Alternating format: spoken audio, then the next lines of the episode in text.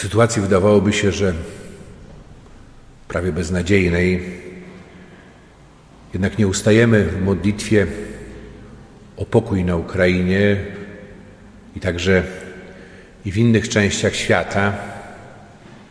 I słuchamy dzisiaj tej Ewangelii.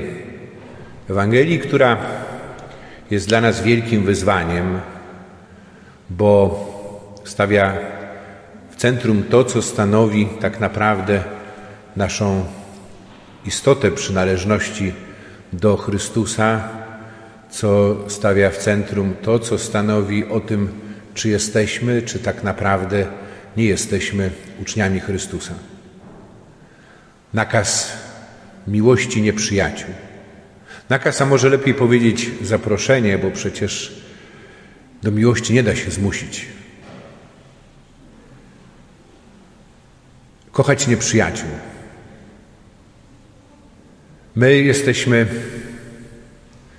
przyzwyczajeni, można powiedzieć, do tego, że po pierwsze o miłości myślimy przede wszystkim jako o uczuciu i z drugiej strony przeżywamy ją bardziej na zasadzie pewnej równowagi, pewnej e, wzajemności. Na takiej zasadzie, że jeśli doświadczam dobroci i na tę dobrość odpowiadam dobrocią, to jest już e, szczyt naszego e, życia. Uważamy, że takie życie jest też i życiem porządnego chrześcijanina, że to nie tylko, że wystarczy, ale że to już jest niemal cała pełnia. A Pan Jezus mówi, mówi do tych, którzy słuchają, y, bo żeby usłyszeć te słowa, to trzeba być gotowym na to, że to słowo zakwestionuje mnie, mój sposób życia, budowania relacji z innymi. Y, dzisiejsza Ewangelia jest kontynuacją tego tak zwanego kazania na równinie, które rozpoczęło się y, właśnie błogosławieństwami i jednocześnie lamentacjami, tymi biada, y, Ewangelią, której słuchaliśmy tydzień temu. I ta dzisiejsza jest skierowana przede wszystkim do ubogich. Dlaczego? Bo to są ci, którym y, nic zewnętrznego, czy prawie nic nie przeszkadza w słuchaniu, nic nie blokuje y, tego słowa, które jest do nich skierowane i nie utrudnia jego przyjęcia. A jednocześnie słuchanie tego słowa czyni nas ubogimi ubogimi, czyli takimi, którzy swoją ufność pokładają w Bogu. I z drugiej strony też i w tym świetle widać y, trudności, jakie spotykają człowieka bogatego, bo to, co posiada, jego lęk przed utratą tego i dążenie, żeby pomnożyć swój majątek, swoje władzę, znaczenie, y, utrudnia, jeśli zupełnie nie uniemożliwia mu przyjęcie tego słowa. I zamknięty sam w sobie, w swoim egoizmie, bardzo łatwo y, tworzy sobie bożków, y, uprawia właśnie idolatrię, y, kult bożków i zamyka się w sam sobie. Brakuje mu tej perspektywy życia wiecznego. A tak naprawdę odpowiedzieć na zaproszenie do miłości nieprzyjaciół można tylko i wyłącznie ze względu na Boga. Bo to, do czego zaprasza nasz Pan Jezus, to żebyśmy zaczęli budować nasze wzajemne relacje na zasadzie równorzędności, jeśli tak można powiedzieć, czy równowagi, ale za wzorzec biorąc naszą relację z Panem Bogiem i Jego miłość do nas. Tylko do tego trzeba odkryć, że tym, któremu Bóg wybacza, któremu e, okazuje miłosierdzie, kto jest niewdzięczny, e, zły, kto jest grzesznikiem, jestem ja. I to nieustannie. I Bóg nie rozczarowuje się mną. Bardziej niż ja w Niego, to On we mnie wierzy i On nie traci nadziei. I tak jak e, modliliśmy się słowami psalmu, wychwalając Boga i znajdując też i rację dla Jego wielbienia, Bóg, który nie rozczarowuje się moją słabością i moim grzechem, moją niewiernością, ale nieustannie odnawia ze mną swoje przymierze. ten hymn, którym modlili się Izraelici, hymn, którego autorstwo było przypisywane królowi Dawidowi i który pozwalał im e, zachować równowagę w sytuacji zagrożenia Izraelowi otoczonemu zewsząd e, wrogo nastawionymi e, do niego narodami, Izraelowi, którego raz po raz dotykały różne wojny. I mamy króla Dawida w pierwszym czytaniu, Dawida, który już został namaszczony na przyszłego króla, e, ale którego w związku z tym prześladuje i próbuje zabić Saul. E, panujący król, e, Saul ucieka przed nim na pustynię i dzisiaj wydawałoby się, że Pan Bóg wydaje Saula w ręce Dawida. Cóż prostszego niż pozbyć się zagrożenia, zabijając tego, który nastaje na moje życie, tego, który e, chce mnie zabić. Ale Dawid e, nie czyni tego. Dlaczego? Bo tu powody są właśnie w odniesieniu do Boga, ponieważ Saul jest królem namaszczonym, jest Bożym pomazańcem. I w związku z tym wystąpienie, czy zabicie Saula byłoby wystąpieniem przeciwko Bogu.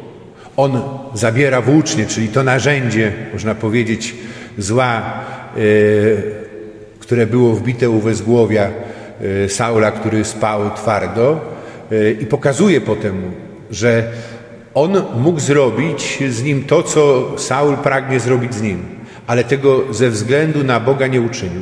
Bóg e, wypełni potem sprawiedliwości, dopełni sprawiedliwości w odniesieniu do Saula, ale nie uczyni tego Dawid. Dawid, który będzie miał więcej powodów niż może myśleć wtedy do tego, aby oczekiwać Bożego miłosierdzia i on na Bożym miłosierdziu się nie zawiedzie. Bo sam w imię y, wierności Bogu okazał miłosierdzie i miłość y, swojemu wrogowi. I tak jak słuchamy w Ewangelii, na czym polega miłość nieprzyjaciół. To nie tylko tych, którzy wyrządzili mi krzywdę, którzy pragną mnie zniszczyć, tylko tak naprawdę tych wszystkich, którzy, y, jakby dla których ja jestem obojętny, nie liczący się. Po pierwsze, y, umieć dostrzec w drugim człowieku także y, obraz Boga, który każdy z nas nosi w sobie. E, ten obraz, który możemy powiedzieć, został potem przypieczętowany poprzez namaszczenie w sakramencie Chrztu Świętego. Bo każdy z nas jest też i Bożym pomazańcem. Zostaliśmy naznaczeni olejem świętym, krzyżmem e, i namaszczeni właśnie razem z Chrystusem e, i uczestniczymy w Jego misji królewskiej, kapłańskiej i prorockiej. Umieć dostrzec to w drugim, ba, może pomóc drugiemu odkryć to, kim on tak naprawdę rzeczywiście jest. I tu nie chodzi o to, żebyśmy y, nie bronili się przed złem, tylko żebyśmy nie wchodzili w spirale nienawiści i niechęci, y, i y, zła, i przemocy. Żebyśmy to przerwali.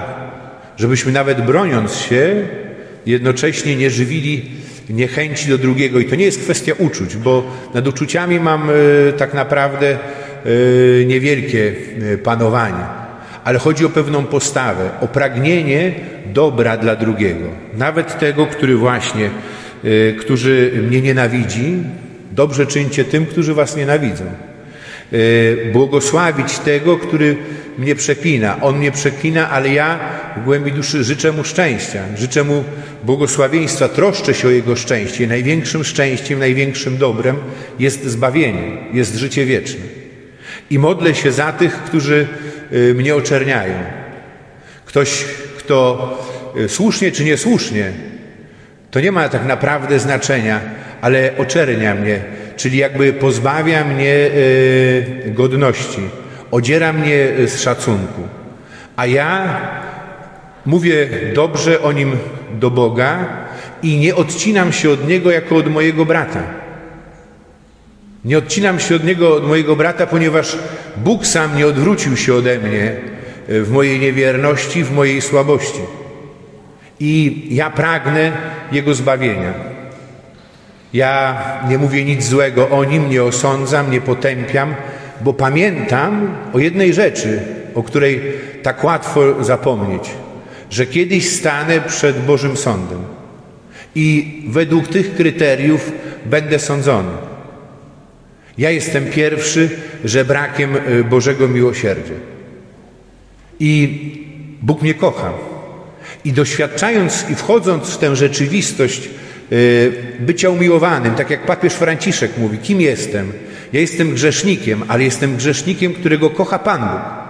I to jest to, co zmienia całkowicie nie tylko perspektywę patrzenia na siebie, ale coś, co mi daje siłę do tego, żeby powstać, żeby ufać, żeby też i y, na tyle, na ile mnie stać, ale miłością odpowiadać nie tylko na miłość, ale także i na zło, na odrzucenie, na e, potępienie.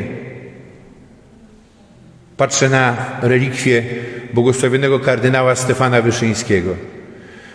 E, jeszcze jako student e, przed seminarium, to już była właściwie zawieszony stan wojenny, ale zupełnie inne czasy, niektórzy z nas jeszcze je pamiętają. Czytałem zapiski więzienne prymasa tysiąclecia. I on, który był uwięziony, prześladowany w tych y, wszystkich strasznych okolicznościach, teraz przychodzi wiadomość o śmierci Stalina. Jednego z największych, nie największego zbrodniarzy w całej historii świata. I teraz jaka jest reakcja prymasa tysiąclecia na tę wiadomość? Cieszy się, raduje, modli się i odprawia mszę świętą w intencji o miłosierdzie dla Niego, o Jego zbawienie. I to jest wyraz e, przynależności do Chrystusa. Patrzenia na innych oczami Boga, który jest miłością i który nie chce śmierci ani e, cierpienia nikogo.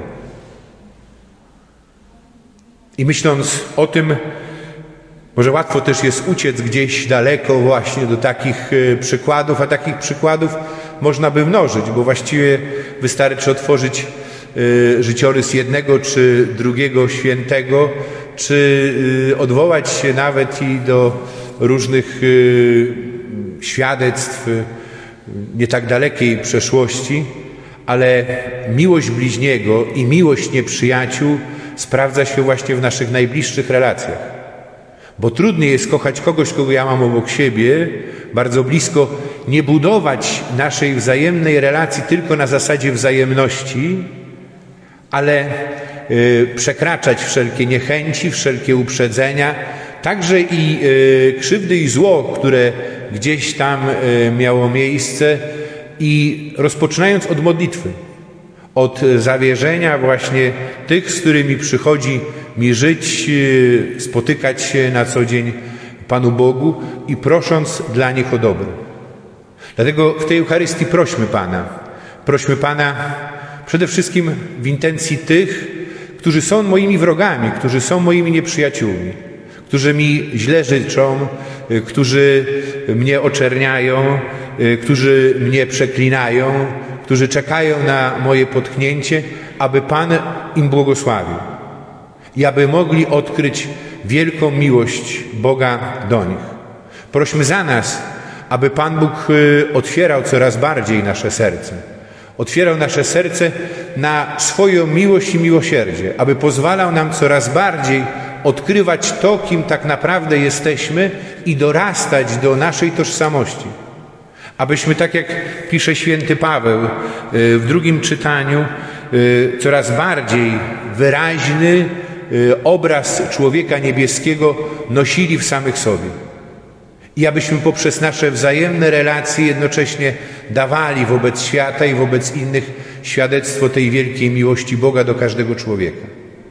I prośmy za Ukrainę, za wszystkie kraje zagrożone wojną, za tych, którzy już cierpią z tego powodu i za tych, którzy mogą ucierpieć. Dlatego zakończmy modlitwą o dar pokoju świętego Jana Pawła II. Boże Ojców naszych, wielki i miłosierny, Panie życia i pokoju, Ojcze wszystkich ludzi. Twoją wolą jest spokój, a nie udręczenie. Potem wojny i obal pychę gwałtowników.